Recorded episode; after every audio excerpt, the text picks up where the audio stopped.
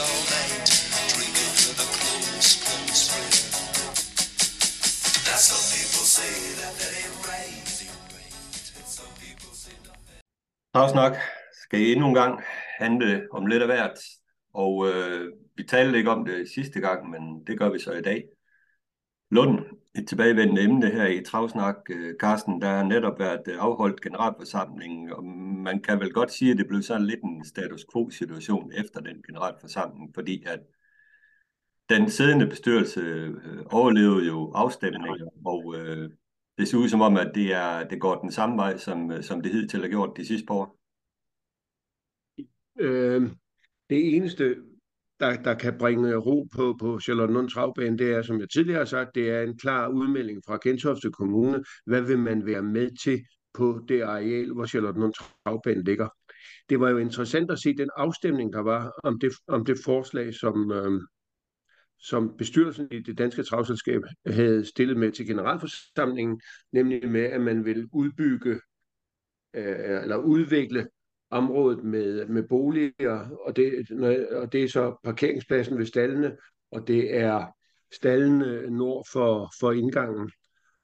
Og også øh, eventuelt øh, øh boligbyggeri på, øh, på, publi, på publikumssiden faktisk.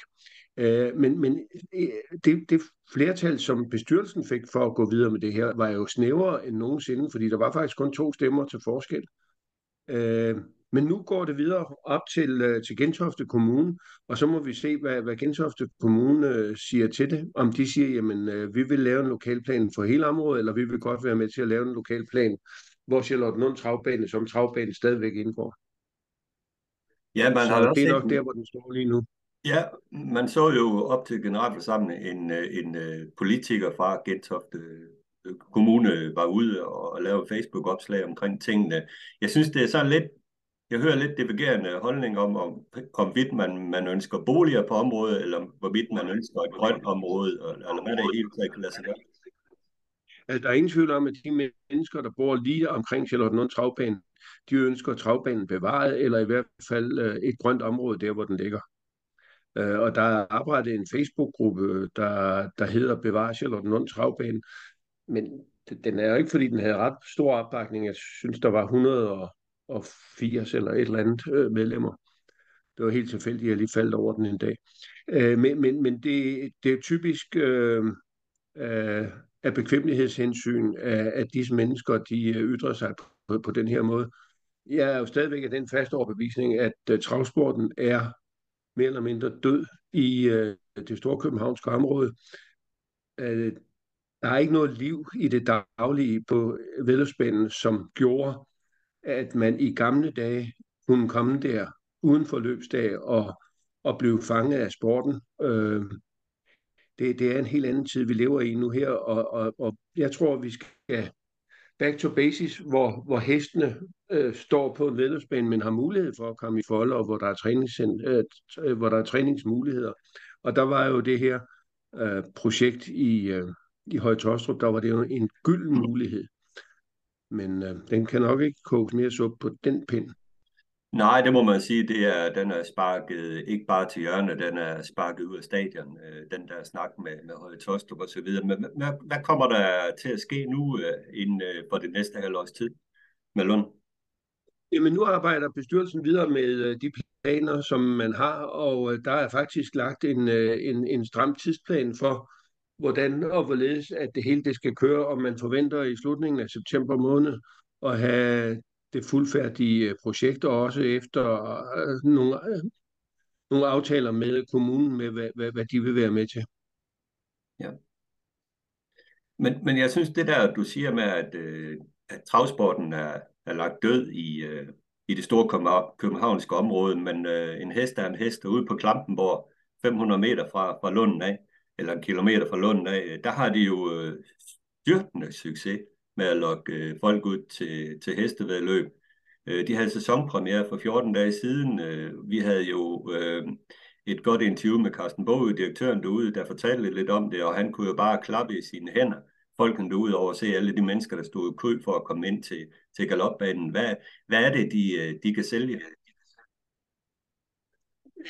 De sælger også en, øh, en, en oplevelsespakke. Øh, det er jo smukt at gå til travløb, øh, det er smukt at gå til galopløb på, på Klampenborg Galopbane. I, øh, de har jo virkelig gjort meget for at forny øh, tilskuerfaciliteterne med respekt for, for de gamle bygninger, der er.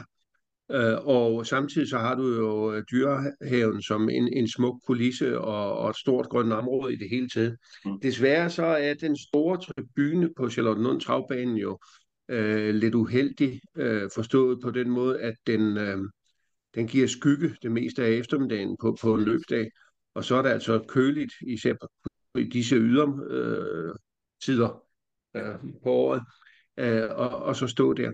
Så, så øh, man, man kan ikke rigtig lave den samme hygge på Charlottenlund Travbanen, men dermed ikke være sagt, at man ikke kunne gøre noget for at få folk ind. Og der mener jeg jo, at øh, den nye bestyrelse, og nu siger den bestyrelse, fordi nu er det ellers genvalgt, men den nye bestyrelse, der kom til sidste år, de, de har i høj grad forsømt at gøre noget ud af, af de, øh, af, af, af de øh, normale løbsdage.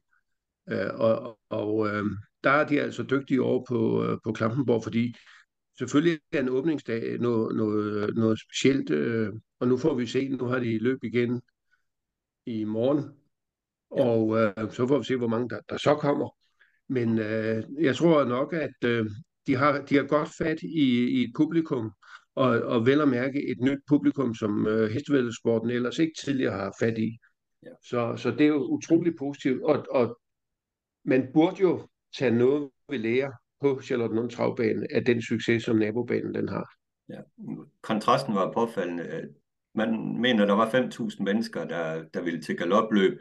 Den langt overvejende part af de mennesker var unge mennesker. Altså lige nok det den målgruppe, vi gerne vil have fat i, dem der gerne vil ud og bruge nogle penge, og ikke bare sidde og hygge sig med, med en kop kaffe. Ikke? Og så kontrasten øh, i selv samme var det om tirsdagen, var der løb i, på Lund, ikke, hvor der var fuldstændig blæst med mennesker, hvor man netop bare ser de der mørke, skyggefulde billeder af, af, af Lund, ikke, som, som, som ligner rent ud sagt noget fra, fra det gamle Østtyskland efterhånden. Ikke? Altså kontrasten er bare så enorm, at, at det må være åbenlyst for enhver, at det eller andet skal der ske. Det, det skal du da. Men, men vi skal heller ikke glemme, at øh, det er lettere, uden at sige, at det er let, Øh, men, men så er det jo trods alt en fordel at have en løbsdag og en, dag, en fast løbsdag hver lørdag, som man kan marke, eller stort set hver lørdag, at man kan markedsføre frem for, at nu var der løb på Lunden en tirsdag, og nu er der løb øh, fredag næste gang, og så er der løb søndag næste gang. Øh, det, det, det gør det lidt mere forvirrende, end, øh, end, end, end, den, øh, end den udfordring, som Klampenborg har med, at de primært har løb øh, hver lørdag. Ja, lige præcis, lige præcis. Men, men det, er jo ikke, det er jo ikke sådan, at man ikke også kan lokke mennesker. Derfor skal der gøres noget alligevel. Og jeg ved også, at de har nedsat øh, efter sine et hurtigt arbejdende udvalg, som øh, til juni måned skulle øh, begynde at lave et eller andet. Men jeg mener jo stadigvæk, at man har forsømt den mulighed med at tage sig af de øh, normale løbsdage hen over året. Altså, da Michael Juhl var, var direktør, der lavede de jo for eksempel øh, en aftale med det der spot deal, hvor man kunne øh, for 200 kroner øh, få en træretters menu og, og en rund og, og der solgte de jo øh, 100 til 150 øh, øh, til, til hver løbsdag. En lille ting, men, øh, men, men, men det gav dog trods alt nogle flere mennesker, hvor der er mennesker, vil andre mennesker også gerne komme. Men når der kun kommer 65, så er det, man siger, at ah, det her, det gider jeg sgu ikke. Nej, det er jo det. Og, og det kan jo godt lade sig gøre at lokke mennesker ud til trav. Altså, en ting, øh, man kan jo se det på Fyn og i Aarhus her, øh, også i Skive og Aalborg osv., der er jo øh, i, i særdeleshed på Fyn og, og også i Aarhus her i, i påsken, var der jo rigtig, rigtig mange mennesker øh, til trav. Og det er jo sådan, at øh, det kan godt være, at der er inflation i samfundet, og, og, øh, og det hele det går lidt træt, men er der en ting, der boomer, i, og som har gjort det siden corona, altså vi blev åbnet efter corona, så er det jo oplevelsesindustrien. Alle, altså det kongelige teater, museer, zoologiske haver osv., melder jo om enorm stor fremgang i deres øh, tilskuere, altså de besøger, der, der kommer ikke, og, og det må på en eller anden måde også kunne, kunne smitte af på, på trav- og galopsporten, hvis man angriber det ordentligt. Man gør et eller andet. Nu, nu i forbindelse med, øh, at der var mange mennesker på, på Fyn og i, i Aarhus, øh, det hang jo blandt andet sammen med, at, øh, at, øh, der, at Bet25 var inde og understøtte øh, en reklamekampagne på lokale tv-stationer og i lokale medier. Og, og det havde altså en positiv effekt, og jeg tror, at det, det var nogle det var nogle test, som nok bliver rullet ud til, til, til, til de andre baner også. Mm. Ja, det bliver også spændende at se det på. Har selvfølgelig, og det, og det betaler sig. Ja, men det gør det. Det gør det selvfølgelig. Altså, det er da klart. Vi skal jo heller ikke glemme, at banerne, vi skal jo heller ikke glemme, at banerne er nødt til at skaffe nogle indtægter på andet end det, der lige hedder travløb. Fordi mm. det er ikke der, hvor de tjener pengene mere. Nu skal de tjene pengene på entré, de skal, betale, de skal tjene pengene på sponsorater, de skal tjene penge på, øh, på restaurationsdrift eller i hvert fald provision af, af restaurationsdrift. Ja. Og, så det er meget, meget nødvendigt, at man er fremme i skolen. Ja. Men det er også en ting, jeg har tænkt på. Der er jo mange, der, der høl om, at, øh, at, at totalisatorboderne skulle lukke på banerne og og men, men hidtil har det jo stort set altid været sådan, at når vi har haft nogle nye mennesker ude på, på, på travbanerne, så har vi fokuseret enormt meget på, på spil og så videre, og, og så er det nogle ting, ikke?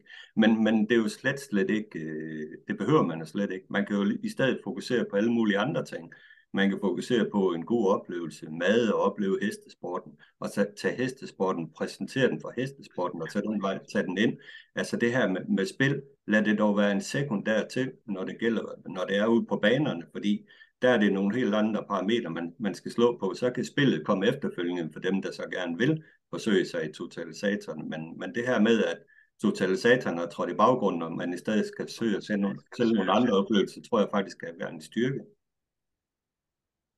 Men det er jo bare det, at spil og, og øh, det at komme på, på en vedløbsbane, lige nøjagtigt vedløbsbane, der hænger spillet jo sammen øh, med det at komme, så, så derfor er det jo været forbundne kar, som du nu vil, vil, vil, vil, vil splitte op.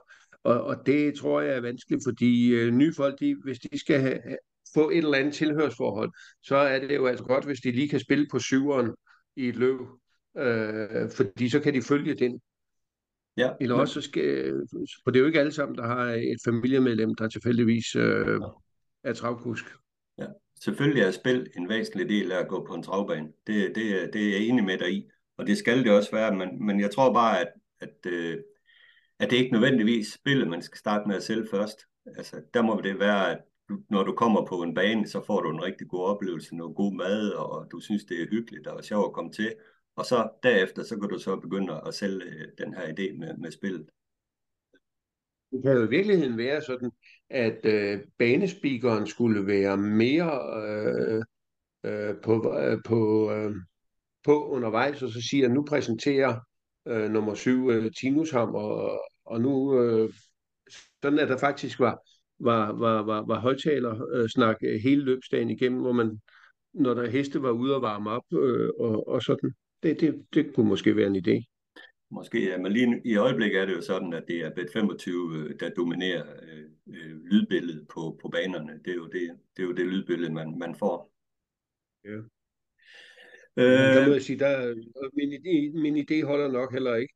Øh, for nu kommer jeg også til at tænke på, når jeg har været, når, når jeg er til trav, eller også har været til galop, der er jo ikke nogen, der, der på banerne, der hører efter, hvad der bliver sagt. Nej, det kan du have en pointe i. Og på mange baner, der er højtaleranlægget også så elendigt, man ikke kan høre, hvad der bliver sagt alligevel. Så det er nok sådan der.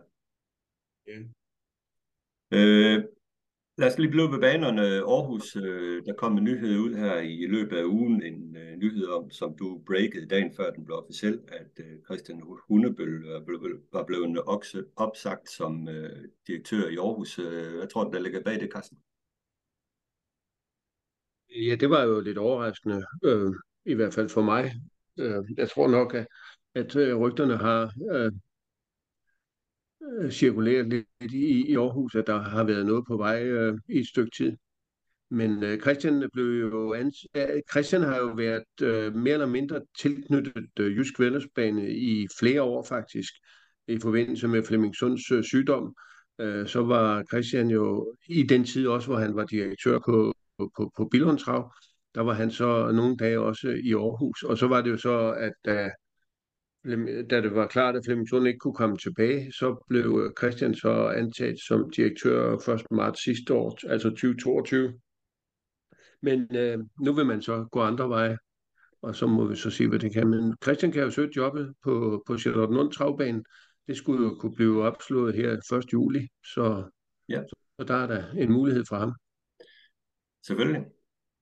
Selvfølgelig, men, men det som det ser ud til i Aarhus, øh, de har jo i forvejen en, en marketings øh, man ansat dernede, men det er jo ikke, den udtalelse, man ser fra betyrelsen af, peger jo ikke lige frem i retning af, at man ønsker at ansætte en, en direktør, men måske en, mere en, en bred daglig ledelse, man vil prøve sig med.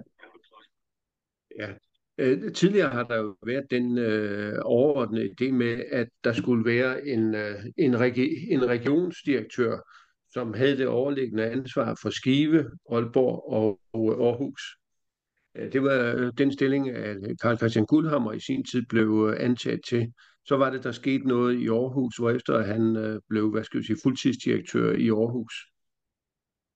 Øh, så, så den der med regionsdirektøren, den blev aldrig ført ud i, i livet nu, men jeg kunne godt se ideen i det, eller jeg kan godt se ideen i det, øh, og så skulle hver bane så have sådan en øh, marketingsansvarlig, som øh, man nu har fået i Aarhus, og som øh, person der, han startede den 1. Øh, februar, så det er sådan rimelig nyt.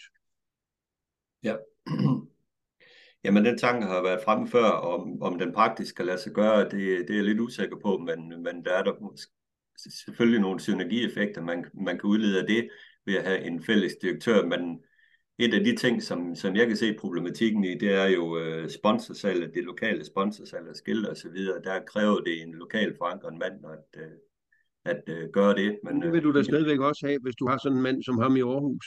Hvis du Ja, ja. har sådan en lignende mand i Skive, hvis du har en lignende mand i Aalborg, og så har du direktøren til at, for det hele, til at, at, at træffe de overordnede bestyr, øh, øh, hvad hedder det, de overordnede øh, øh, beslutninger, Ja. og, øh, og, og, og så i det hele taget øh, øh, sørge for, at, øh, at alting øh, fungerer på de tre baner. Det, det, det er jo sådan lidt supermarkeds øh, ikke? Med, Mm. eller kædeideen, med at, øh, at det godt kan styres fra centralt hold. Ja, man kan jo tage den så vidt, at man kan have en uh, direktør for Vest Trav Danmark og en direktør for Øst Trav Danmark. Så en, der havde uh, kontrollen over Lund, Fyn og Falster, og så en, der havde Skive, Aalborg og Aarhus. Sådan kunne man jo splitte Ja. det op. Det kunne man. Men vi ser, hvad der sker i Aarhus øh, hen ad vejen, øh, hvad de finder ud af dernede. Øh, men ellers øh, kom der jo nye omsætningstal frem fra det svenske spillekoncern ATG, og øh, vi havde jo nok lugtet, hvad vej øh, det gik i forhold til de informationer, vi tidligere har fået. Man blev jo bare bekræftet i, at travspillet i Sverige er for nedadgående. Øh, spillet på sport og casino er opadgående for spilleselskabet ATG, hvorimod det går stadigvæk rigtig godt for den danske arm af ATG øh, Bet25, som stadigvæk viser fremgang. Ja, det går lige på, på travspillet, øh, men, men altså, som jeg også skrev, øh, så skal vi jo huske på, at, øh, at øh, øh, Dantoto mistede øh, billedrettighederne øh, 1. Øh, marts øh, sidste år, så, så i de to ud af, af tre måneder, som kvartalet omfatter, der, øh, der, ja, der havde, øh, der havde, øh, hvad hedder det, øh, Dantoto stadigvæk billeder, men, men øh, men, men man har jo virkelig formået at få, få spillere over i, øh, i Bet25. Især på grund af, af det med, med billedrettighederne. Mm. Men, men øh, også i Bet25 er det jo casinodelen, der trækker det, det største læs. Og, og vi får det nok sådan øh, her i, i Nordeuropa, at det er casinoerne, der holder hånden under, under, under travkalossporten rent finansielt. Jeg tror også, det kommer i Sverige. Det er jo noget, der tyder på, at det Det er trækker, vej. det trækker den vej. Ja, det er på vej. Ja. En, en anden det vil behøver der heller ikke at være noget ondt i. Nej, slet, slet ikke. Det er jo fint nok. Altså, bare det kaster nogle penge af sig ud i, ud i sporten, som, som Ja. ja. sporten kan leve af med, med præmie. Så, så om de spiller på, på hest eller spiller på en roulette, det kan i princippet være ligegyldigt. Men nu er der jo en ting, der bliver meget spændende, og det er jo det nye setup med de her V65 tirsdage, som starter første gang på, på, på tirsdag. Det skulle jo gerne øge omsætningen på, øh, på, på, på danske vedløb, og også den danske omsætning på danske vedløb, fordi det er jo især interessant, for dem får sporten jo stadigvæk 8% af. Mm, mm.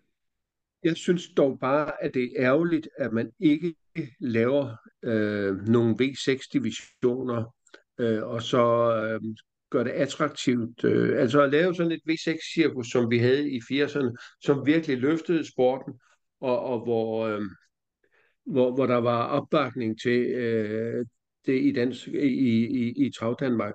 Når vi nu ser programmet der til Aalborg på... Øh, på, på tirsdag. Der, der er altså kun Sten Jul fra, fra Charlottenlund Travbane, og han starter to heste, og det, og det er måske kun fordi, øh, at, at en Miras, den er kvalificeret sig til finalen i Richard Lyngholms øh, øh, hoppeserie, at, han tager det over.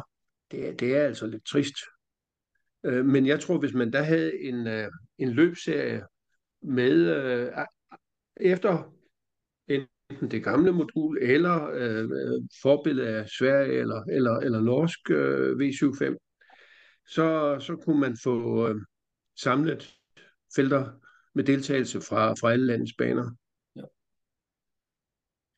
Ja, det kunne man, det er jo altid noget, Det man, man kan drømme om, men, men det tænker jeg, jeg har noteret mig her i den forløbende tid, det er jo, at det er jo tydeligt at se på omsætningerne, når, når Norge ikke spiller med, så, så sker der virkelig dyk i omsætningerne, men det positive med, med de her tirsdage, det er jo, at øh, alle de øh, nordiske lande spiller med, så det bør jo alt andet lige booste omsætningen gevaldigt.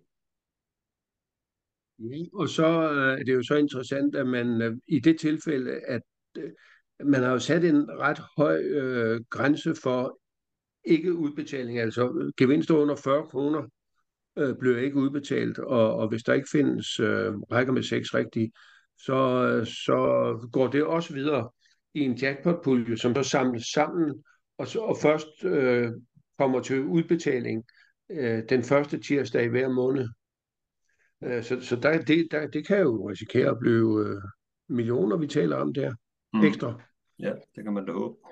Men en anden afledt Det, det, kan virkelig, det kan virkelig give spillet, det danske spil et løfte, det er jeg overbevist om. Jeg synes bare, det er synd, at, at, øh, det skal være sådan nogle tilfældige pro- propositioner, som der er på de enkelte løb, i stedet for, at, der var, at vi havde forsøgt at lave, altså man kunne kalde det dansrav øh, for eksempel. Mm. Det gjorde man jo, da V6 øh, stoppede i sin tid.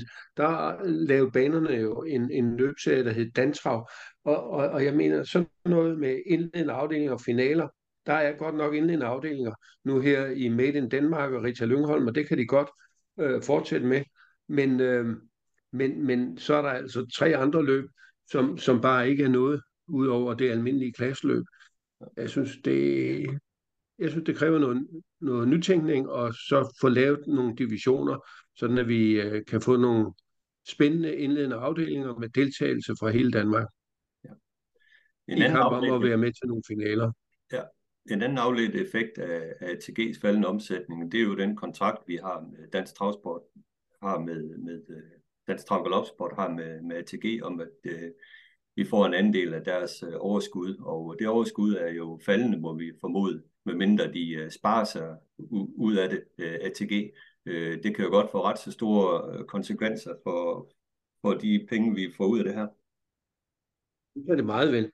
Øh, fordi den aftale, der ligger med Sverige, det er jo, at øh, dansk hestevedløb skal have 3,3 procent. Og øh, ikke alene er jo ATG's øh, overskud vigende, men, men den svenske krone er jo faldet, øh, og den, jeg ved ikke, nu er den 65, men den har jo været på, på 1,70, øh, så, så det, det betyder jo igen øh, færre penge øh, til, til, til Danmark. Øh, og det er der nok, nok ikke nogen, der måske lige havde taget højde for, da, da den her aftale den, øh, blev indgået. Nej, det kræver en revidering af den der aftale, hvis, øh, hvis den stadigvæk skal, skal give det samme afkast som det var tiltænkt. Ja, altså man regner øh, øh ATG som mest øh, øh, øh, øh 2 milliarder i overskud, så vil man jo få øh, øh, noget med, øh, med 66 millioner svenske kroner. Men, øh, men hvis de nu kun giver halvanden milliard i overskud, så er man jo nede på 48 millioner, og, og det er stadigvæk svenske, og, og, og, og når så ydermere kursen den er faldet, ja, så, så, så bliver det altså en alvorlig nedgang for, for dansk trav. For vi skal jo ikke glemme, at øh, man er jo i gang med afviklingen af, af statens tilskud, og selvfølgelig foregår der nogle politiske forhandlinger, men øh, jeg tror ikke, at de sådan lige kan vende øh, øh det billede, øh, at øh, den afvikling, den, øh, at den stopper. Det, det er jo noget med 15 millioner, hvert, eller 20 procent i hvert fald øh, hvert år, at, det, at det tilskud det, det nedsættes. Mm. Mm. Så her i, i år, der får man øh, nogle 60 millioner, og så til næste år, så bliver det så 50 millioner, og så bliver det 40 millioner. Ja. Og så til slut, så er det væk. Ja, det er jo det. Så det er rigtig mange penge, banerne selv skal ud og skrabe sammen, for at opholde øh, det, det samme niveau. Så ja, men det er sådan, det er. Både, både drift og, øh, og til præmier. Ja, præcis. Men øh, det er jo heldigvis sådan, at øh, det er gået mod lysere tider, og Storløbssæsonen, øh, som vi også talte om sidste øh, gang, er jo øh, rigtig godt i gang. Og her på søndag, der er måske til at løbe på skivetrav. Og jeg synes øh, ikke bare musketerløbene er fremragende, men også øh, rammeprogrammet i særdeleshed er fremragende. Der er virkelig lagt op til en øh, super, super flot dag i Skive. Det, det er der. Det, og der kommer jo øh, deltagere fra, fra udlandet øh, og, og, og fra, fra de fleste danske baner. Så, så nej, det er rigtig spændende. Selvfølgelig kan man sige, at man mangler nogle heste, og det kan jo være det tidspunkt på året, eller ja, tidspunkt øh, på, på sæsonen. Er, der er nogen, der mener, at den måske ligger for tidligt for, for vores øh, årgangsheste. Mm. Altså nu sådan en hest som uh, Derby-favoritten Holding at the Moon uh, er jo for eksempel ikke med. Ja. Men det har vi jo fået Peter Rudvæks forklaring på. Det er jo, han øh, for det første øh, var han, han ville ikke have den ud og møde øh, Holland og øh, Paul Højgaards heste og så videre i sæsondebut, så den vil han gerne øh, gemme lidt. Men jeg synes, det der går lidt imod det, du siger der, Carsten, det er trods alt, at der er 10 heste anmeldt i øh, Peters Mindeløb for treåringer. Så selv de unge heste er der klar til at øh, stille op, og det er der første gang i hvert fald, jeg kan huske, at at vi har fyldt felt i, i det løb, så det kan jo godt lade sig gøre, selvom det er tidligt på sæsonen. Ja, ja, men det er jo måske ikke lige uh, spids, altså det er jo ikke lige tophestene alle tophestene. Nej, det er det ikke, men det er det sjældent i musketerløben. Men, men det, jeg synes, det handler om i mange gange, det er jo at få øh, i hvert fald en 7-8 hest, der er rigtig god kvalitet til start, og det synes jeg, og der, det er lykkes med. Og der er jo især en hest, som, øh, som, som man må lige spære lidt øjnene op for. Det er jo den tyske Champus, som vi jo se, så på derbydagen øh, sidste år, øh, vinde helt fantastisk løb for sin træner Josef Strattel fra Tyskland. Den glæder mig meget til at se. Ja, den sæson debuterer jo. Ja, det er jo det, den gør. Den er ikke startet siden derbedagen sidste år, så der må have haft en skade af en eller anden art, men øh, det var en øh, voldsom hest at se øh, sidste år i hvert fald. Ja. ja. Og så er der jo det et rutineløb, øh, eller en videre kvalifikation, som de siger i Tyskland, øh, hvor den har løbet øh, 15 øh, og det er en god tid på, på barnfelt, når den bare skulle ud og lufte, så Ja. Så den, den bliver helt sikkert spændende at se, ja. Hurricane har Og så er det jo spændende at se uh, uh, Bo, Bo Vestergaard som amerikaner stadigvæk, ikke? Mm. BA Superhero. Ja. Ja, den vandt jo helt overlegnet mm. senest på by, og uh, ja, ja, så er der Seven, Seven Nations Army, Lord Valentines mindeløb, ikke, som skal ud mod rigtig gode hester også. Ej, det er virkelig et overflødigt sort. Det kan vi godt tillade os at være glade for. Men ellers internationalt, øh, så har, er det jo snart, øh, der er snart Copenhagen Cup, øh, og Ønas Prins har jo meldt sin ankomst. Vi havde håbet lidt på Sankt Motør, men Sankt Motør går ud i øh, Olympia-travets finale, hvor man har fået et wildcard, og så er der jo også snart Elite-loppet, hvor vi så et løb på Angien, hvor Etonang viste, at den er klar igen, men hvor også en hest som Go On Boy øh, gik jo et fabelagtigt løb, og derefter fik en øh, rosa billet. En ny spændende fransk hest, den her Go On Boy, Carsten. Øh, og det er jo Romain øh, Darieux, som, som træner den. Han har jo tidligere vundet, øh, vundet elitlop. Øh, dengang lidt kontroversielt, fordi der var spørgsmål om hesten, den var i, øh, Ja, det var Dijon. i pasgang over mål eller ej. Øh, og nu, øh, det eneste jeg kan huske, det var den efter Kenny Met. Øh, Ja, den hed Dijon, hesten. Dijon, ja. Ja. I, øh, med Gøveren Boy øh, sluttede jo helt forrygende af på Anken. Anken har jo øh, et fænomenalt langt opløb, der kan jo virkelig... Øh, man kan blive bare træt af at tænke på, hvor langt det er. Ja. Øh, og den sluttede forrygende af, men man kunne altså ikke nå et, et så langt, men man gik rigtig, rigtig godt. Det gjorde den. Så det, det, tegner, det tegner også spændende det løb, det er der ingen tvivl om. Og ja, USA er det er det jo også... spændende, hvad der kommer, men det er jo spændende, hvad der kommer til, øh, til Copenhagen Cup. Øh, Ja. øh, jeg ved jo i hvert fald, øh,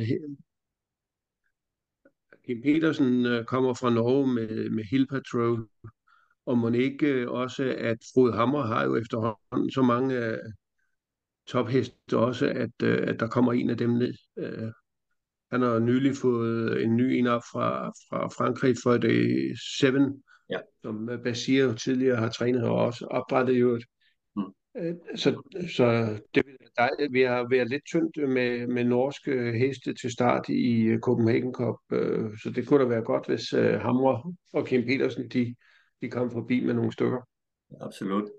Værd noterer egentlig også, at Beats den er gået ned til Gucciadoro nu, da, da du skal forsøge sig med den her ekstremt vanskelige hest. Det er spændende at se, hvad han får ud af den. Meget. ja. Så nej, det er, det er vældig hyggeligt at apropos, apropos Cortiadoro og storløb, så er der jo Lotteria, Grand Premio Lotteria, lotteriløbet i Napoli på, øh, på mandag. Og øh, der køres jo tre indledende afdelinger med otte heste i hver, altså i alt 24 heste. De ni, de ni er trænet af Alessandro Cortiadoro. Ja. Det er helt vildt. Han er Det er altså et, et af Europas allerstørste travløb med en samlet præmiesum på 660.000, små 5 millioner kroner Ja. øh, i, i præmiesum, og manden har ni heste til start. Men, men hans dominans i Italien gør vel også, at øh, de udlandske trænere er lidt tilbageholdende med at skal derned og møde Nico Chiador-heste i lotterier. De ved jo godt, hvad der venter dem. Ja, og så det, at de også får lov til at vente på en eventuel præmiecheck bagefter. Det er jo heller ikke befordrende for, for interessen til at starte. Nej, nej. I USA er det også øh, begyndt at rumle den helt store favorit i, Ja. den helt store favorit i, i lotterier er jo Vivid Wise Ass. Øh, og, og så har han jo også Vernissage Skrift, som øh, vandt løbet sidste år. Ja, Ja, præcis. Præcis. I USA er det også begyndt at rumle lidt. øh, De kanoner, de er begyndt at komme ud i, øh, i, øh, i, øh, i de her kval eller qualifier løb. Special Weight, den bedste toårs års hobby i USA sidste år, øh, Focus Og OL er ude i qualifiers her i weekenden, og Bella Bellini og Cu- Cole Papa Bell, Hamiltonian-vinderen, øh, også småt skal, skal til i gang. Og så meget spændende glæder jeg mig til at se Markus Melander, som jo nu er træner af Venerate, øh, har også den i qualifier. Spændende at se, om han kan få den øh, på benene. Så i USA, der begynder de også at røre lidt på sig. Man siger at den amerikanske storløbssæson for alvor begynder, når Dexter Cup på freehold øh, køres. Øh, men øh, det, Dexter Cup er jo desværre slet ikke mere så interessant, som det øh, tidligere var engang. Der var det jo virkelig topheste, der mødtes i, i Dexter Cup. Nu er det blevet sådan en, en, en tynd øh, gang, gang te. Og, og der er kun syv heste, der er anmeldt øh, i årets øh, udgave her, så de går direkte til finale. Øh, men, øh, men nu begynder det at rulle på i USA, ingen tvivl om det. Ja. Lad os lige runde USA med, inden vi, vi går videre i teksten. Øh, uh, CEO igen har tjent snart en halv million i USA på sin kampagne. Det gør jo bare, at øh, der må være endnu flere danske ejere af travheste, der, der kigger, kigger over dammen og ser, kunne det være, at min hest der nok kunne tjene lidt penge derovre? Ja, så hvis man har sådan en ældre øh, hest, øh, som, øh, som er stærk og, og stabil og, og også øh, hurtig, ja, så siger jo igen jo altså, og det er jo i på Søstervang jo også gode eksempler på, at det er muligt at, øh, at, at tjene gode penge. Og så har Sijo igen den, altså nu gik den rigtig, rigtig godt her øh, ved sejren i onsdags. Mm. Den vandt i hånden i 11-3, altså det, den, den, den fløj i opløbet. Ja, på 8 Øh, men de to foregående, der har den altså været meget skidt.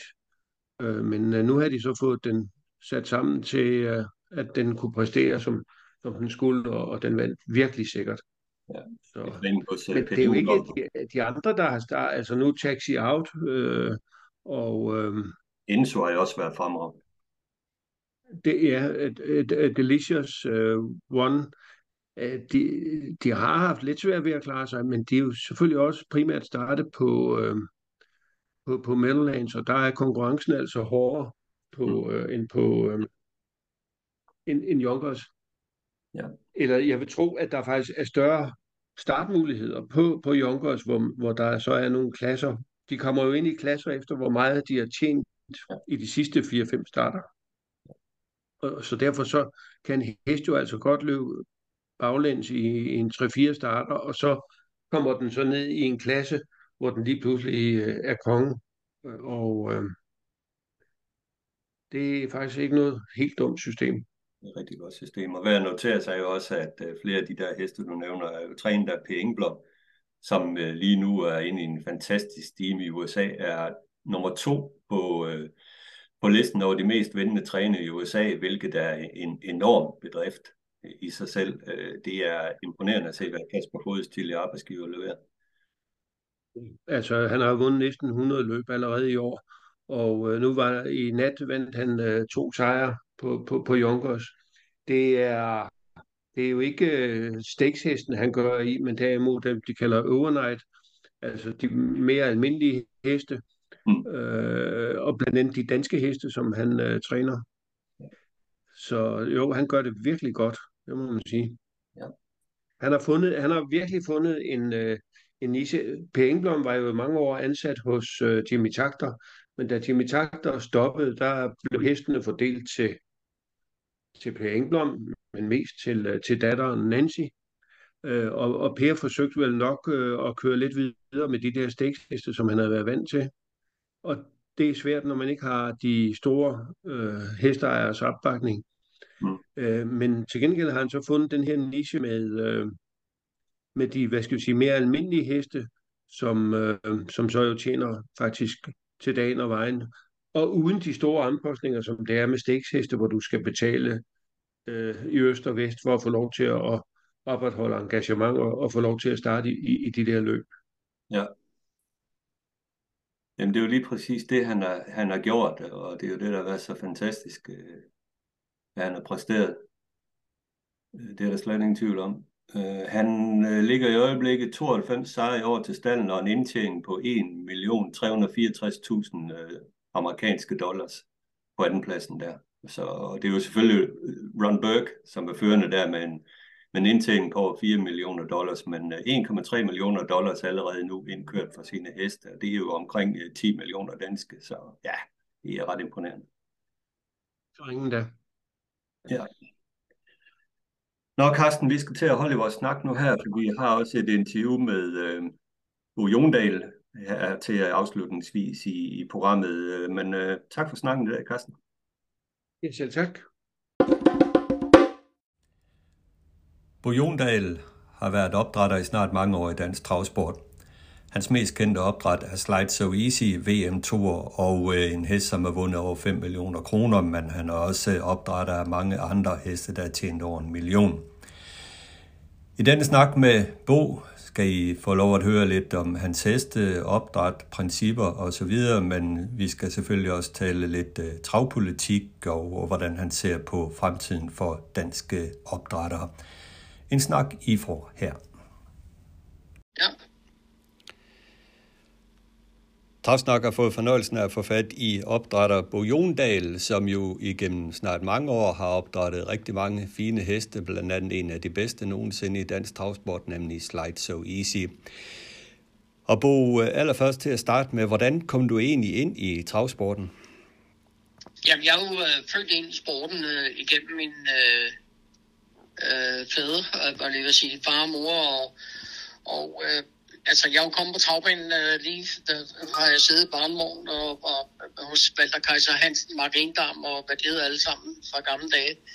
Så øh, ja, så på den måde kom jeg ind i det, og så øh, fik jeg endnu større interesse, og så tog jeg jo amatørlicens, så det lykkedes mig også at, at vinde et par løb. Men øh, jeg havde ikke øh, den, den, øh, de store kundskaber til at køre travløb, så, så jeg, jeg, jeg, øh, jeg tror, jeg bare kørte en 6-7 løb eller sådan noget lignende. Og så, så det var det. Men, men, men interessen, den, øh, den fortsatte jo selvfølgelig øh, med sporten. Og så, så startede vi sådan stille og roligt med, med, med opdræt. Jamen, det er jo snart mange år siden, ikke? Øh, hvad er det? Det ved jeg ikke. Det må være 30, 25, 30 år siden. Ja. Og, øh, og, det, øh, og, det, øh, og det startede i det små, men, men så blev interessen større og større for opdræt, fordi jeg fandt jo hurtigt ud af, at øh, altså, hvis du ikke, hvis du ikke øh, om man så må sige, behandlede det professionelt, og det vil sige med indkøb af rigtig gode hopper og brugt de rigtige hængste, jamen så kunne du ikke være med i racen. Så, så, øh, så på den måde, øh, så kan man sige, at jeg gennem de sidste 10 år, der, der har det kørt fornuftigt. Ja. Hvad er det for nogle øh, heste, du begynder med øh, opdrætningsmæssigt? Hvor er du henne der med dit opdræt? Jamen, jeg er henne lige nu, der... Øh, ja, men dengang du startede, hvad var det for nogle heste, du startede op med? Hvad, hvad, tænker du på, når du siger heste, jeg startede op med? Nogle hopper, du startede op med at opdrætte, hvor, hvilke blodlinjer Nå, var det jo den, jamen, den gang? Jamen, jamen, jeg kan jo dårligt huske, men det var, det, det, det var, skal vi sige, det var jo ikke øh, samme kvalitet som, som øh, de hopper, som jeg har i dag. Så, så det startede i det små, for ligesom at finde ud af, jamen altså, om, om, om det overhovedet var noget for os. Og, og der er rigtig, rigtig mange ting, som man skal lære øh, i, i forbindelse med opdræt, som man lige umiddelbart ikke tænker på. Altså, man, man, man, lærer, man lærer faktisk hele tiden, øh, og det har, det, har, det har jeg selv gjort og gjort mig den erfaring. Det er ikke, det er ikke bare lige at gå ind og opdrætte heste. Det er det ikke. Hvorfor skal, er det, hvorfor er det ikke det, Bo? Det, jamen, det skal man have... Øh, det tager rigtig lang tid øh, for at finde øh, ud af, altså også for at finde ud af markedet, øh, øh, hvordan det reagerer, og, og, og, hvilke, og specielt også, hvilke følgerupper du skal have fat i. Og, øh, og, og, og, og en helt tredje ting er jo det med, med brug af hængst. Det, det, er, det, går jeg jo, det bruger jeg jo rigtig meget tid på, fordi det, det drejer sig om, det er at finde ud af, hvilke, øh, hvilken hængst ønsker kunderne at købe efter om to år. Det, det, det er det, det drejer sig om ikke så meget blodlinje. Det går jeg ikke så meget op i. Jeg går mere op i tal. Okay. Fordi du kan ikke overleve, du kan ikke overleve som opdrætter, hvis du ikke får ordentlig betaling for din afkom. Så går, så går du død. Du kan ikke, det der med at få 20, 30 og 40.000 på aktioner eller i handler, det der, jamen hvis du gør det, og bliver fortsætter med det, jamen, så, så kan du i hvert fald ikke drive det som virksomhed. Og det kan man måske også komme ind på senere øh, fordi at øh, i skattemæssig forstand, der, der, øh, og hvis du ellers har, øh, øh driver det som virksomhed, jamen så skal du agere, øh, som, som, som du har en virksomhed med køb og salg. Og det gælder både følgeopper, og det gælder din afkom. Ja, lige præcis. Men hvis vi starter med, hvilke principper opdrætter du egentlig efter? Er det løsdrift, eller har du den minde hver, hver, hver dag? Nå, på den måde, okay.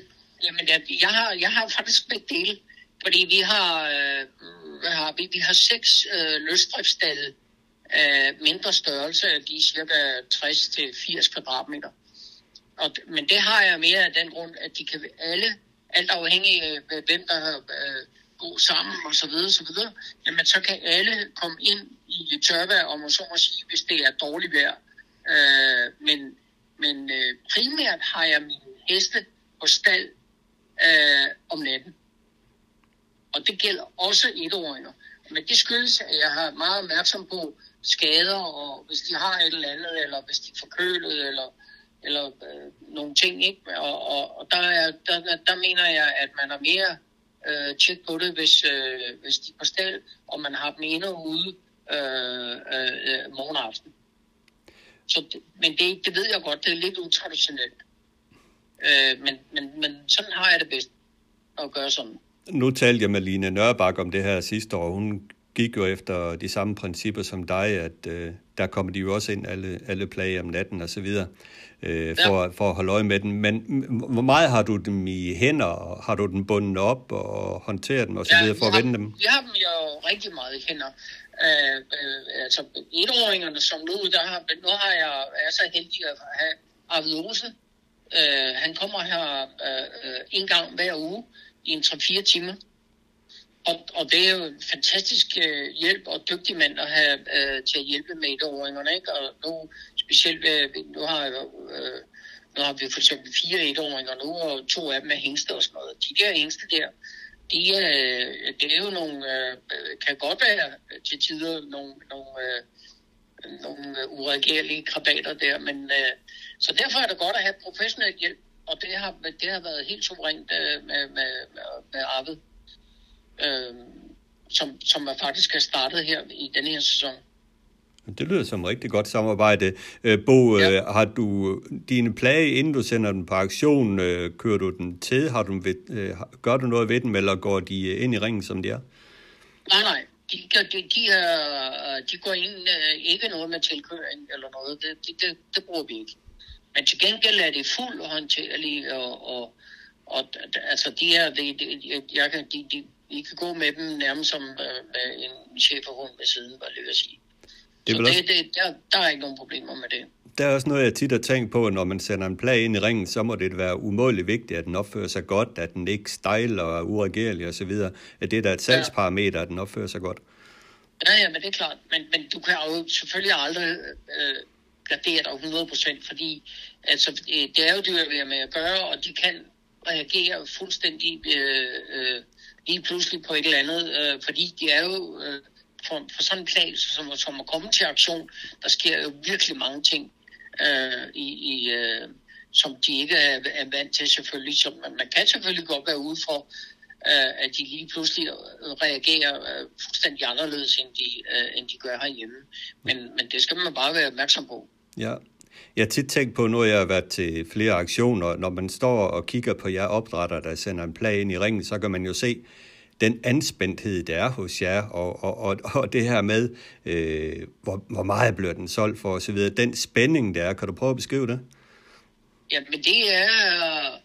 Altså, nu, nu har jeg efterhånden været så, med i gamet så mange år, da jeg, jeg er lidt mere cool, end jeg har været t- øh, for år tilbage. Men, men det er klart, fordi du har jo arbejdet med, øh, med, med, med det afkom, der står i ringen, og det går ind, og det hele, det tager måske halvanden, to, tre minutter, og så er der afgjort, og, og det er altså en, en plag, som du øh, øh har haft i, i hænderne i halvandet år og har gjort alt muligt for at få den lige frem til de øh, to-tre minutter, hvor den står i ringen. Så det er, det er et stort øh, spændingsmoment og, øh, med det med auktioner, men det er det. Ja. Har, har du, går du efter, har du en pris, du vil have for den, inden du går i ringen, eller kigger du også lidt på, hvem der er, der står og bider? Ja, det, nej, det gør jeg faktisk ikke. Altså, jeg, jeg har selvfølgelig, øh, hvad skal man sige, nogle vurderinger om, hvor jeg mener, den, den, den øh, en plads skal koste og så videre. Men det er lidt mere gynger og karuseller, jeg kører efter. Øh, forstået, hvis du har 4-5 øh, der skal på aktion, jamen så er der, eller skal være, i hvert fald to af dem, som går pænt op i pris. Og så er der måske de tre andre, øh, som knap, øh, måske bare går lige op i, i, i forhold til de udgifter, der er. Ikke? Mm. Og der er jo, øh, det tror jeg heller ikke måske så mange af jer er klar over, men der er rigtig mange udgifter ved at, at få at køre sådan en plag frem øh, til aktion. Og det er, og, og nu tænker jeg ikke bare på øh, følpengene på hængsten, du skal betale, men, men, men, øh, men, men der er store driftsudgifter, øh, som man ikke lige, sådan lige tænker på, men det, det, det er der. Og så, og så hvis man ryger ind i, at der skal tages video, og der skal anmeldes til aktion, og der er transporter, og hvis der så er operation med OCD, mm. jamen så skal du igennem det, og bare, bare, bare. Altså det, det løber let op i 60-70.000. Ja, men det, det, jeg har godt hørt, at det er vanvittigt dyrt, øh, når dyrlæger er involveret i, især når man bruger frosthængster og alle de der ting, der skal til med kontroller og så videre. Også de ting, du Ja. beretter om. Det er nogle voldsomme udgifter, der er ved at opdrætte en travhest, faktisk. Ja, altså vi, er, vi, vi har, vi, jeg, jeg, jeg kender næsten min regnskaber jo, øh, øh, øh, hvor- hvordan de ser ud og sådan men altså en dyrlægeudgift per år på omkring på bare vores lille studeri, og vi er jo i realiteten kun et lille studeri, men det løber lidt op i 100-120.000. Ja. Kun i dyrlæge. Ja. Så, så det, er, det, er, det er bestemt en stor udgift, man skal regne med. Det er det. Ja. Hvor du øh, sender hest i ringen både i Danmark og i Sverige. Hvorfor, hvorfor også i Sverige? Jamen, Sverige, det er jo øh, for ligesom, det, det, det, det øh, vi får bedre betalt for vores øh, øh, afkom i Sverige. Selvfølgelig er konkurrencen også betydeligt større, men, men efterhånden så, øh, øh så er man begyndt at finde ud af det. Jeg ved godt, hvor, hvor øh, som nogenlunde i hvert fald, hvor, hvor, hvor, hvor man skal satse. Og, øh, og øh, man får, og det har jeg gennem også de sidste ja, både 4-5 år fået gode priser, i hvert fald på en eller to i Sverige. Så, så, og der får man altså knap de samme priser i Danmark, selvom jeg absolut ikke skal klage, men, øh, men, øh, men nu taler jeg bare sådan generelt, ikke? Ja, ja. Hvorfor er det, du ikke Og så- bruger et øh, kældent navn på din hestebo? Ja, det har jeg aldrig brugt. Altså, jeg, jeg, jeg synes, det er lidt øh, gammeldags. Øh, øh, det ved jeg ikke. Altså, jeg, jeg, jeg, finder ingen grund til at bruge kendelnavn. Jeg, jeg, jeg er forhåbentlig kendt nok øh, i forbindelse med de resultater, som hestene laver. Ja, men jeg har jo brudt min hjerne med, med nogle øh, Bojondal-hester. Selvfølgelig, der er jo Slides So Easy og nogle andre, men kan du ellers nævne nogle af de andre gode opdræt, du har lavet? Øh, Jeg tror, mange som mig slider lidt med at finde ud af, hvem, hvem, hvem har han egentlig opdrættet Bojondal? Ja, jamen det, det er selvfølgelig rigtigt nok, men at der er jo, øh, jeg kan jo dårligt huske det, men altså hvis du tager, øh, jeg, jeg kan nævne måske, øh, der er der i hvert fald 7-8-10 heste, der har tjent over en million, men så ligger de lige omkring en million, øh, om det så, er, der, altså i, nu tæller vi svenske kroner, ikke? Ja, Og, og, øh, og, der, og der, er jeg synes allerede, og også nogen, der løber, for eksempel, jeg havde Glide for The Win, som i går var på Vestergaard, nu galopperede desværre, men den det en rigtig fin hoppe efter uh, Charlie Dunoyer, øh, og tjene 400.000, ikke? Men den er jo, den, er jo øh, den kommer til at tjene langt mere, ikke? Men altså, jeg synes, der er, ja, jeg, jeg er fint tilfreds. ja, Og det kan jeg jo se på de opdrætterpenge, som kommer ind. Altså, det, det, er jo også, det er jo også fornuftige penge der. ja, ja, selvfølgelig. Hvilke blodlinjer har du egentlig mest kig på lige nu? Jamen, som jeg lige nævnte før, jeg går ikke så meget op i øh, blodlinjer i den forstand. Jeg går mere, jeg, jeg går mere op i det der øh, med, øh, med at bruge, om man så må sige, øh, de rigtige hængste til mine hopper. Og, og når jeg tæller hopperne, så, tager jeg, så, siger jeg, så er det en selvfølgelighed, at øh, hopperne er absolut god kvalitet. Hvordan er det med fransk? øh, Du har lidt fransk blod i din øh, bestand, så Ja. du er heller ikke fremmed Ja. på det franske blod, Ja. kan jeg se. Ja, men jamen, jamen det, absolut- det, det har jeg. Jeg bruger fransk på, på hopperne, men øh, jeg bruger ikke øh, fransk på hængste siden. Og det, og det gør jeg, fordi at, øh, jeg, det, jeg, jeg mener ikke, at køberne øh, er interesseret nok i øh, de franske hængste. Altså, når, vi, når man kommer med et afkom på aktion. Jeg synes, det er for dårligt betalt. Og det kan måske være noget uretfærdigt. Men øh, det er altså min erfaring. Ja. Hvordan er det med hængst? Øh, Kan du godt bruge en hængst, der aldrig har været prøvet i avne, eller vil du helst se den med lige have et par, år, par årgange, før, før du melder dig ind? Nej, nej. Jeg, er meget, jeg tror, jeg er meget kendt for at bruge øh, på hængste, som, som øh, er helt nye. Altså nu, for eksempel nu, hvis vi tager overgangen med Slide So Easy, jamen altså, der lavede jeg, der lavede jeg tre efter øh, Quite Easy, og de har alle tre, alle tre sendt, øh, tjent over en million. Altså med Slide to Easy selvfølgelig som bedst, ikke? Ja. Der var en, der hed School to Score, den havde tjent 1,2 millioner. Og så var der en anden en læser, den kan jeg ikke huske navnet på. Men den har også tjent... Nå jo, Sofias Blås. Sofias Blås, den er følgeop nu nede hos Ja. Peter Søndergaard i øvrigt. Okay. Men uh, det er, den har tjent 1,5 millioner. Så jeg lavede tre, og de tjente 6,5 ja, og halvanden og 1,2. Ja. Så, så, og i år, der bruger jeg øh, at være så heldig at få frys på Captain Curry. Den tror jeg rigtig meget på. Han blev Tolian vinderen. Ja, og det var også et af mine spørgsmål. Så kan jeg også forstå på dig, at du er ikke helt fremme for at bruge øh, hæng- hængste med pacerblod i sig. Nej, nej, bestemt ikke. Nej. Altså, Bugard er jo, jeg har, er, jo, er jo kæmpe bevis øh, for, at, øh, at øh, det pacerblod kan slå igennem, ikke? Hvad med sådan en som Hayden henover? Blev det for meget? Ja, jeg tror ikke, at den er... Jeg, jeg ved, jeg, jeg, jeg, jeg er meget påpasselig med melde hængst ud eller ind, eller hvad, eller hvorfor. Men jeg tror, jeg, jeg tror ikke i salgssammenhæng, at den er så interessant. Okay. Men det, det, det skal jo være op til bevis. Ja, Altså, det, øh, det kan godt være, at... Øh, men, men, men den, den øh, ja, det er svært at sige, ja. med, med, lige med hækken henover.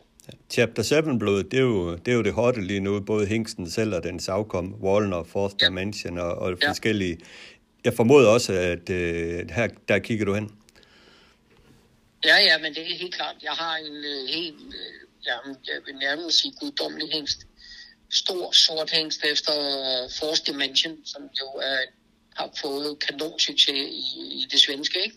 Ja. I sin øh, første årgang. Og den, øh, ja, den, det er en etårshængst, og den, men den, den er svensk. Ja, og den hedder Liberation, og det gør den, fordi den er født 5. maj sidste år. Ja, perfekt. Sådan. Ja. Så, så, så den har heller ikke noget kælenavn, dyrebær. Nej. Så, men, men husk på navnet. Det, Jeg der, det bliver en navnet. hel kanon. Det kan jeg Ja, godt nu kan jeg huske det, fordi du har sagt 5. maj, så kan jeg huske det. okay. Hvordan ser din hoppebestand ud lige nu? Undskyld, hvad sagde? Hvordan ser din hoppebestand ud lige nu? Jamen, øh, vi har seks følhopper. Og, øh, og der er jeg jo også lidt kendt for, og, der, og det er også rigtigt nok. Altså, jeg har... Ja, mine hopper, øh, de, skal, de, skal, de skal vise resultater. Altså, de skal lave nogle gode afkom. Og, øh, og øh, for at jeg har dem, ikke? Og, og hvis det ikke, hvis det ikke, der er jeg rimelig, der er jeg rimelig øh, skarp, og lige at sige. Altså, hvis de ikke øh, viser, at, at, at de kan afle der, så rører de ud, og så kører jeg en anden. Altså, jeg er ikke, de har det som blomme i æg, når de er hos mig, men jeg er ikke forelsket mine øh, følhopper. Og det er der jo måske mange opdrættere, der er. Øh, De har deres følhopper lige fra, jeg ved ikke hvad, og de nænder ikke at komme af med dem. Og sådan. Ja. Sådan har jeg det ikke. Nej. Men der er vel også en gængs antagelse om, at en, øh, en øh, hoppe, hun avler bedst med sine første afkom, når man har trukket over fem eller måske 10 afkom på hoppen, så, så bliver de svage afkommende hen ad vejen. Ja, yeah, jeg, jeg ved ikke, hvor meget den holder, den der, men, men, men, øh, men det, det er meget sjældent. Altså, jeg tror ikke, jeg nogensinde har trukket hverken fire eller fem afkom på, på den samme hop. Jeg ved, jeg, jeg kan ikke lige huske det i hvert fald. Så, men, men, øh, men ja, men ja, der, er- det, det, og det er også fordi, at at der sker jo, øh, også på hoppesiden, der sker jo en udvikling hele tiden. Mm. Og også med nyt blod, og nu, nu, altså nu kan man for eksempel øh, altså på Maharaja-hopper og så videre, så videre. Jeg tror, jeg tror, man skal være meget opmærksom på som opdrætter og hele tiden øh, være up to date, også med sine følgehopper. Ja. Ja, selvfølgelig, og, og på den måde har du jo også hele tiden noget, noget nyt på hylderne til opdræt, eller til køberne. Lige præcis. Og det, det, er, det er alfa og omega, hvis du skal overleve. Ja. Hvad med Maharaja? Har du noget, øh, har du øh, afkom efter den? Nej, det har jeg ikke. Altså, det er også fordi, det er en af mine... Ja, altså, jeg bruger ikke, helst ikke, hvis jeg kan undgå det, øh, selvom jeg synes, at det, det er lidt uretfærdigt, fordi jeg er øh, fantastiske hængsted hos øh, Mændhammer, ikke? Men, men konkurrencen er jo bare helt enormt stor. Altså, de er jo fuldbooket i Sverige, Red Express og Maharaja og, og Calgary Games, og, og, og de øh, har fantastiske afkom og alt sådan noget, men man skal bare være klar over, at, at, øh, at det er jo altså kanonhopper, der kommer på de der hængste.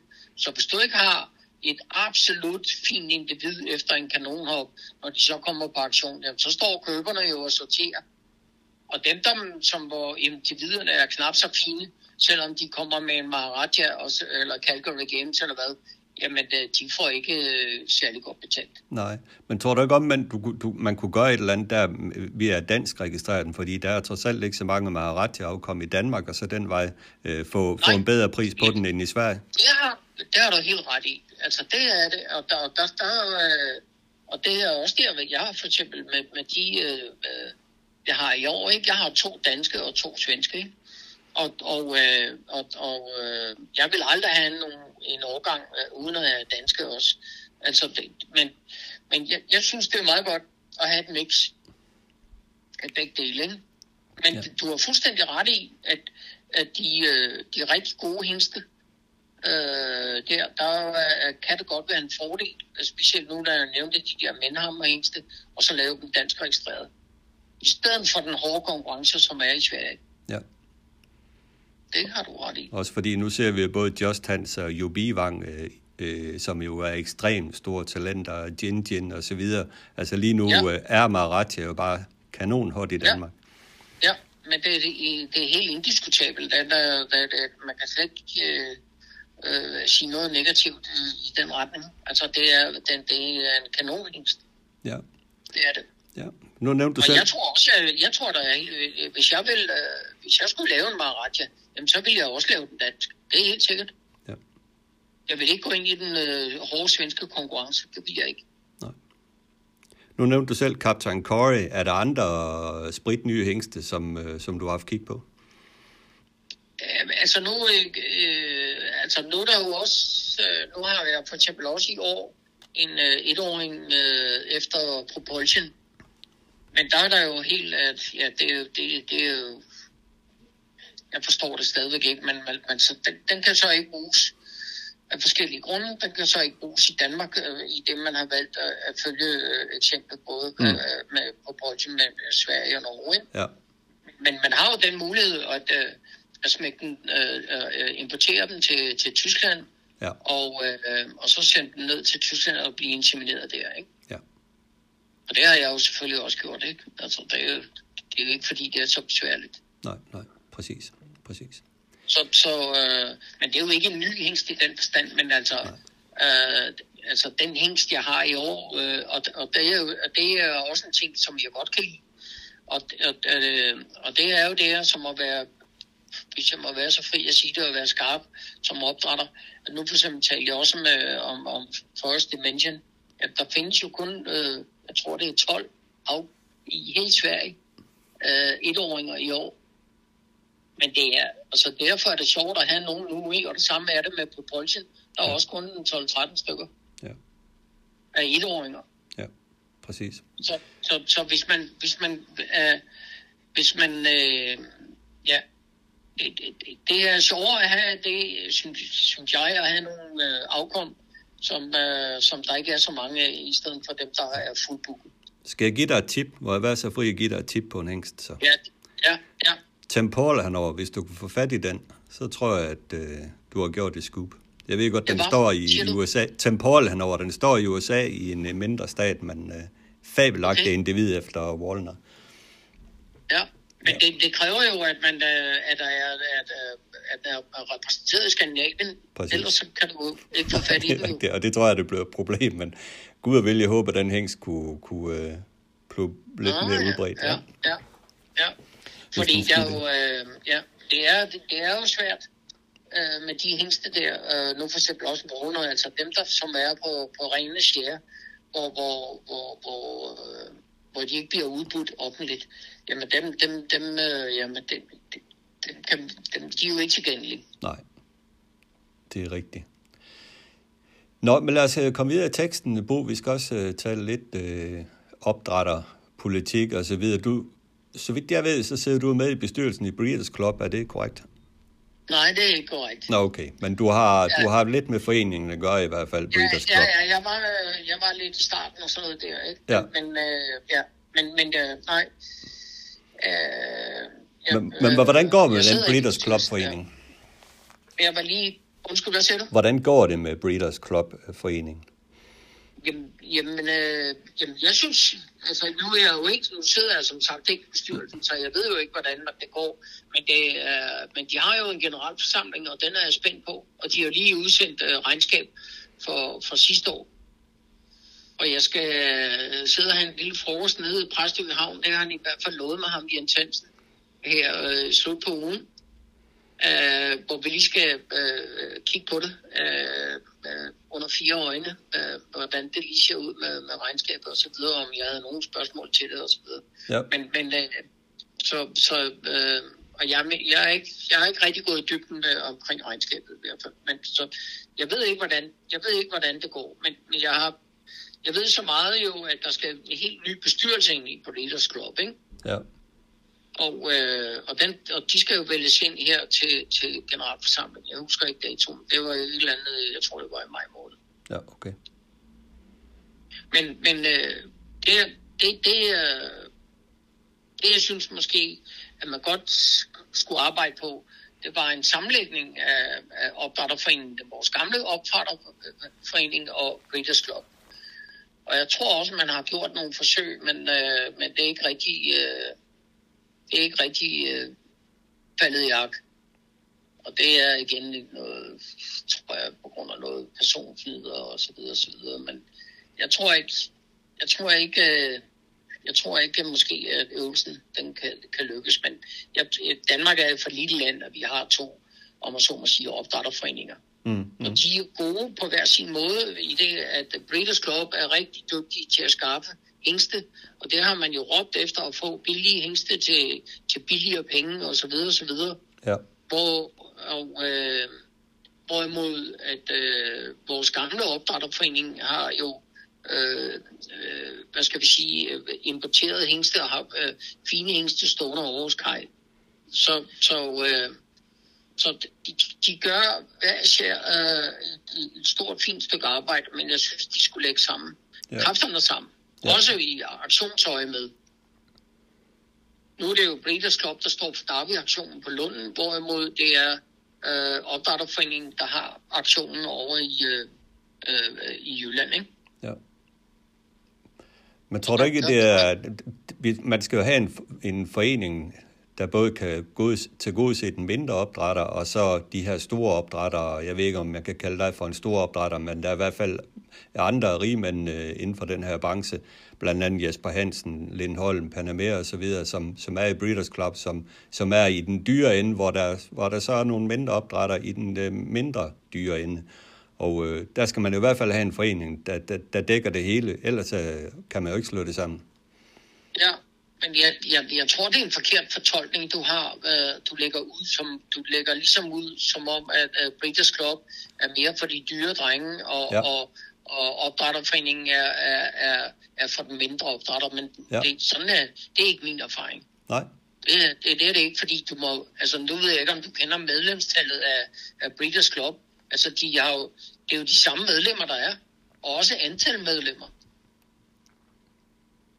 Okay. Der er, der, der er jo ikke, øh, og det, det kan man også sige, det er også derfor at fjollet, nu vi lige siddet og betalt i sidste måned, har vi lige, øh, det, nu er det jo ikke de store penge, men vi har lige siddet og betalt medlemskontingent øh, til begge foreninger. Det er jo også fjollet, ikke? Synes jeg. Så altså, du, det er jo, øh, altså, det, det, de, de, øh, nej, jeg synes helt klart, de skal smække sammen, okay. så man finde ud af det. Ja. Dem, der sidder posterne. Ja. Hvordan ser du på fremtiden for, for dansk øh, opdræt? Uha, det er, det er, det er, det er mørke skyer. Og det kommer, øh, jeg tror allerede, der sker desværre en, i negativ retning øh, allerede i år. En ret kraftig reducering af hopper, der bliver insemineret. Og det, det er, hopperne er, er der slået brøl. Opdatterne, øh, Opdrætterne, de er rigtig hårdt presset i øjeblikket. Det har de været gennem de sidste par år, men det er yderligere forstærket i år. Og det er de af to grunde. Øh, det er, at skattefar er ude med riven i forbindelse med øh, styresignalet. Fordi Skattestyrelsen, øh, de har en helt, opfald, helt anden opfattelse af styresignalet, øh, hvordan det fungerer, end, hvad skal vi sige, sporten har, og sportens ledelse.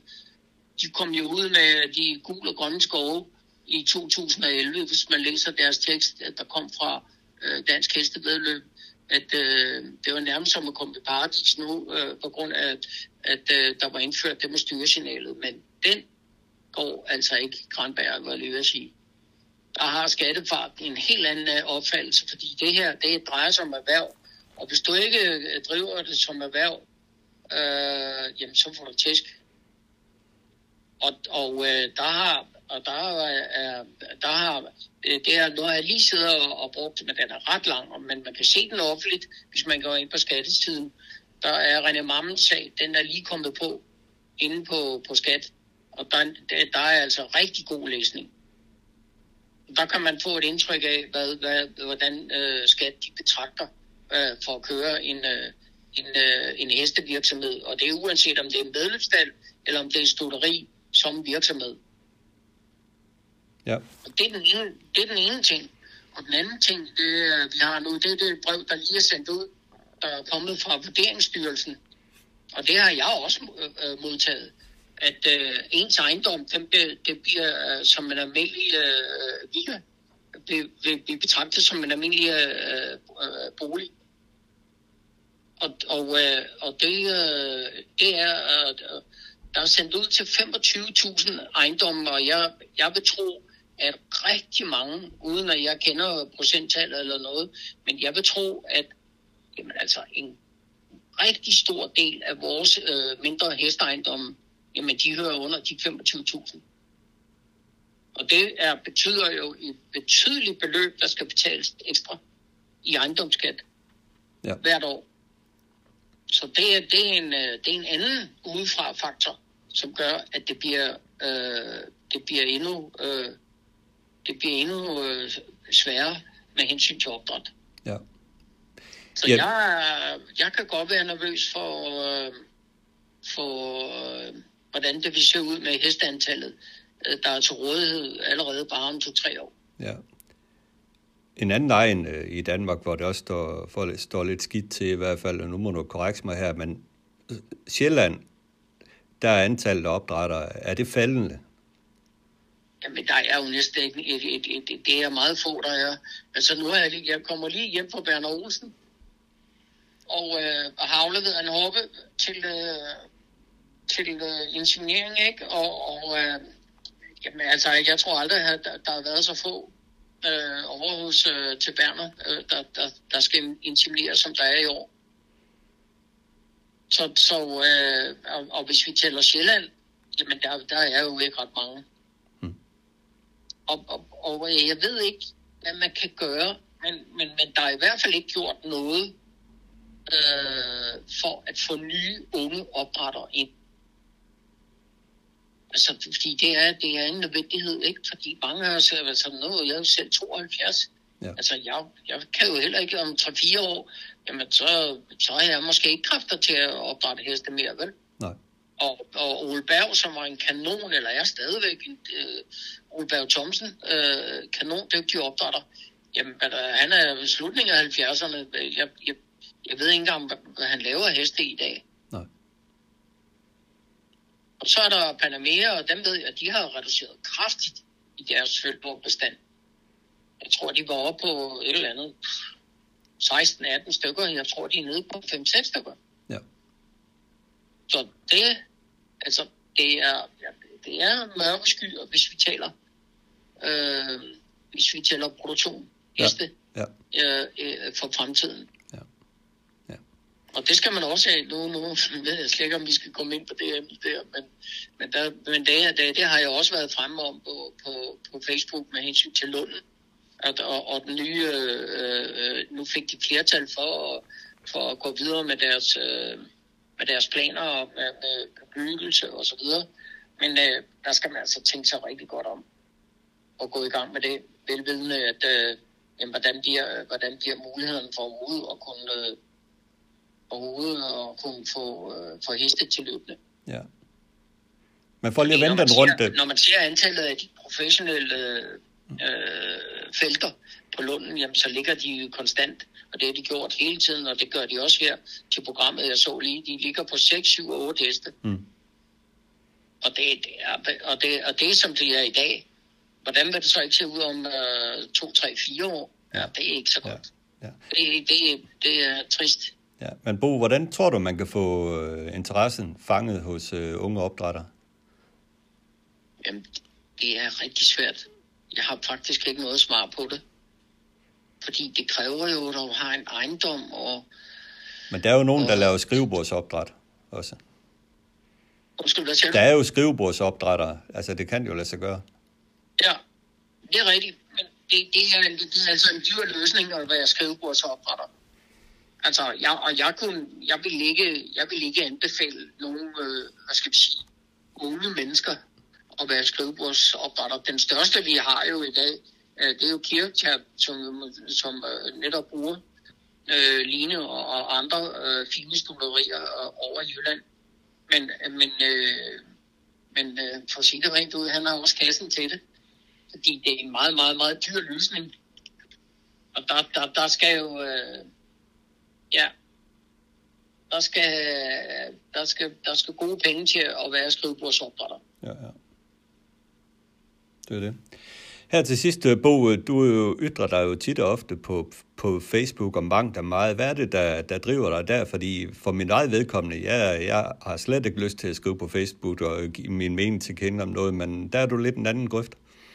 Ja, altså, det, det- ja, ja, men det, det, det er rigtigt nok, og, der, og man, man kan have ligesom, øh, altså, nu for eksempel min egen kone, hun kunne ikke drømme om at skrive noget på Facebook, hun synes, det er nærmest øh, idioternes holdplads.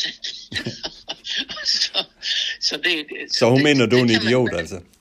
Undskyld, hvad siger? Ja, Så må hun jo mene, du er en idiot. Ja, ja men det, det hører jeg måske også. det hører jeg måske også et par gange om dagen. Men, men det, jeg, jeg mener bare, som jeg sagde i starten, at jeg mener godt, man kan ytre sig, hvis man opfører sig ordentligt, og hvis man øh, skriver pænt, og hvis man ellers har forstand på, på, på, på, på det, man siger, jamen øh, så kan man godt gå ind i øh, så kan man godt gå ind i en dialog med, og skrive på Facebook om, om øh, forskellige emner. Altså det, og jeg gør det jo udelukkende, fordi jo, jeg har interessen for sporten. Så, så det, det er derfor, jeg gør det jo. Ja. Og så skal det lige siges, Facebook er, er, er, er, er nu har vi som studeri øh, jo også en side på og lavet, øh, som kan gå ind og, og, og følge øh, på Facebook. Mm. Og det, den er i, i salgsøje med, at, at, at den er super god. Det ja. der med at have sin egen hjemmeside, det fandt jeg ud af, men det er jo allerede 3-4-5 år siden. Ja. Jamen det, det har jeg også, men der, der, der, det, det er alt for langsomt, og der kommer alt for få ind. Der går det jo meget hurtigere øh, øh, på, på at, at være på nettet, altså på, med, med Facebook, ikke? Ja, det er det. Her afslutningsvis, øh, Bo, der er jo også der er jo andre hestekræfter, du interesserer dig for, også dem, der ligger i en motoren på en IndyCar. Du skal snart til USA og, og se vedløb der. Øh, ja. Hvorfor går du op i IndyCar? Det er jo dødssygt at se på de biler, der bare suser rundt på en betonbane, er det ikke? Jo, sådan, det, det, det, sådan havde jeg da også. Altså, jeg, jeg så næsten aldrig motorløb, men nu er det jo det her, min datter er, er faktisk blevet gift i sidste uge med en, som kører IndyCar. Og det er jo Markus Eriksson, øh, en mm. svensker, som tidligere kørt Formel 1. Og han kører jo så IndyCar i USA. Og, og det har jo så gjort, og de har jo, ja, hvor lang tid de kendt hinanden, små to år, ikke? men så blev de så gift her nu. Og, øh, og øh, det har jo så gjort selvfølgelig, at jeg har fuld løb, når jeg får noget inside information, og man kan jo også spille på dem jo. altså, man, man kan jo spille på løbene, og så videre, så videre. Så, så øh, nej, jeg synes, det er kæmpe gear. Altså, Ja. jo mere og mere jeg lærer kørerne at kende, og ved, hvad det står for, og, og, øh, og så nu IndyCar er jo, er, er, jo- er jo faktisk øh, er super underholdende at se på, måske i forhold til øh, Formel 1, fordi i, øh, hvis du tæller om IndyCar, så er bilerne, de er, de er alle sammen ens, så det er der mere kørende, øh, som, som, øh, som er afgørende, hvor dygtige de er, ikke? Ja. Der må de ikke øh, pille ved motoren og alt det der. De skal Ja. ja. have fuldstændig samme hestekræfter og alt det der. Ja. Så, Nej, nej, den, jeg har fået interesse for dig. Vi skal over til det der Indy 500 ja. Ja, i slutningen af maj. Desværre er det i, løbesvig, øh, i ligeløbsweekenden. Ja. Men, øh, men øh, nu skal det opleves, fordi der sidder altså 400.000 på lægterne der. Ja, det bliver fedt. Det er noget af en chat. det er godt, Bo. Du skal have en rigtig god tur, og uh, tusind tak for snakken her. Ja, velbekomme. Velbekomme. Tak fordi du tog dig tid til at lytte til Travsnak i samarbejde med Travservice. Har du input, idéer, kritik, ros, ja hvad som helst til podcasten, så giv mig en mail på adressen henrikdyrberg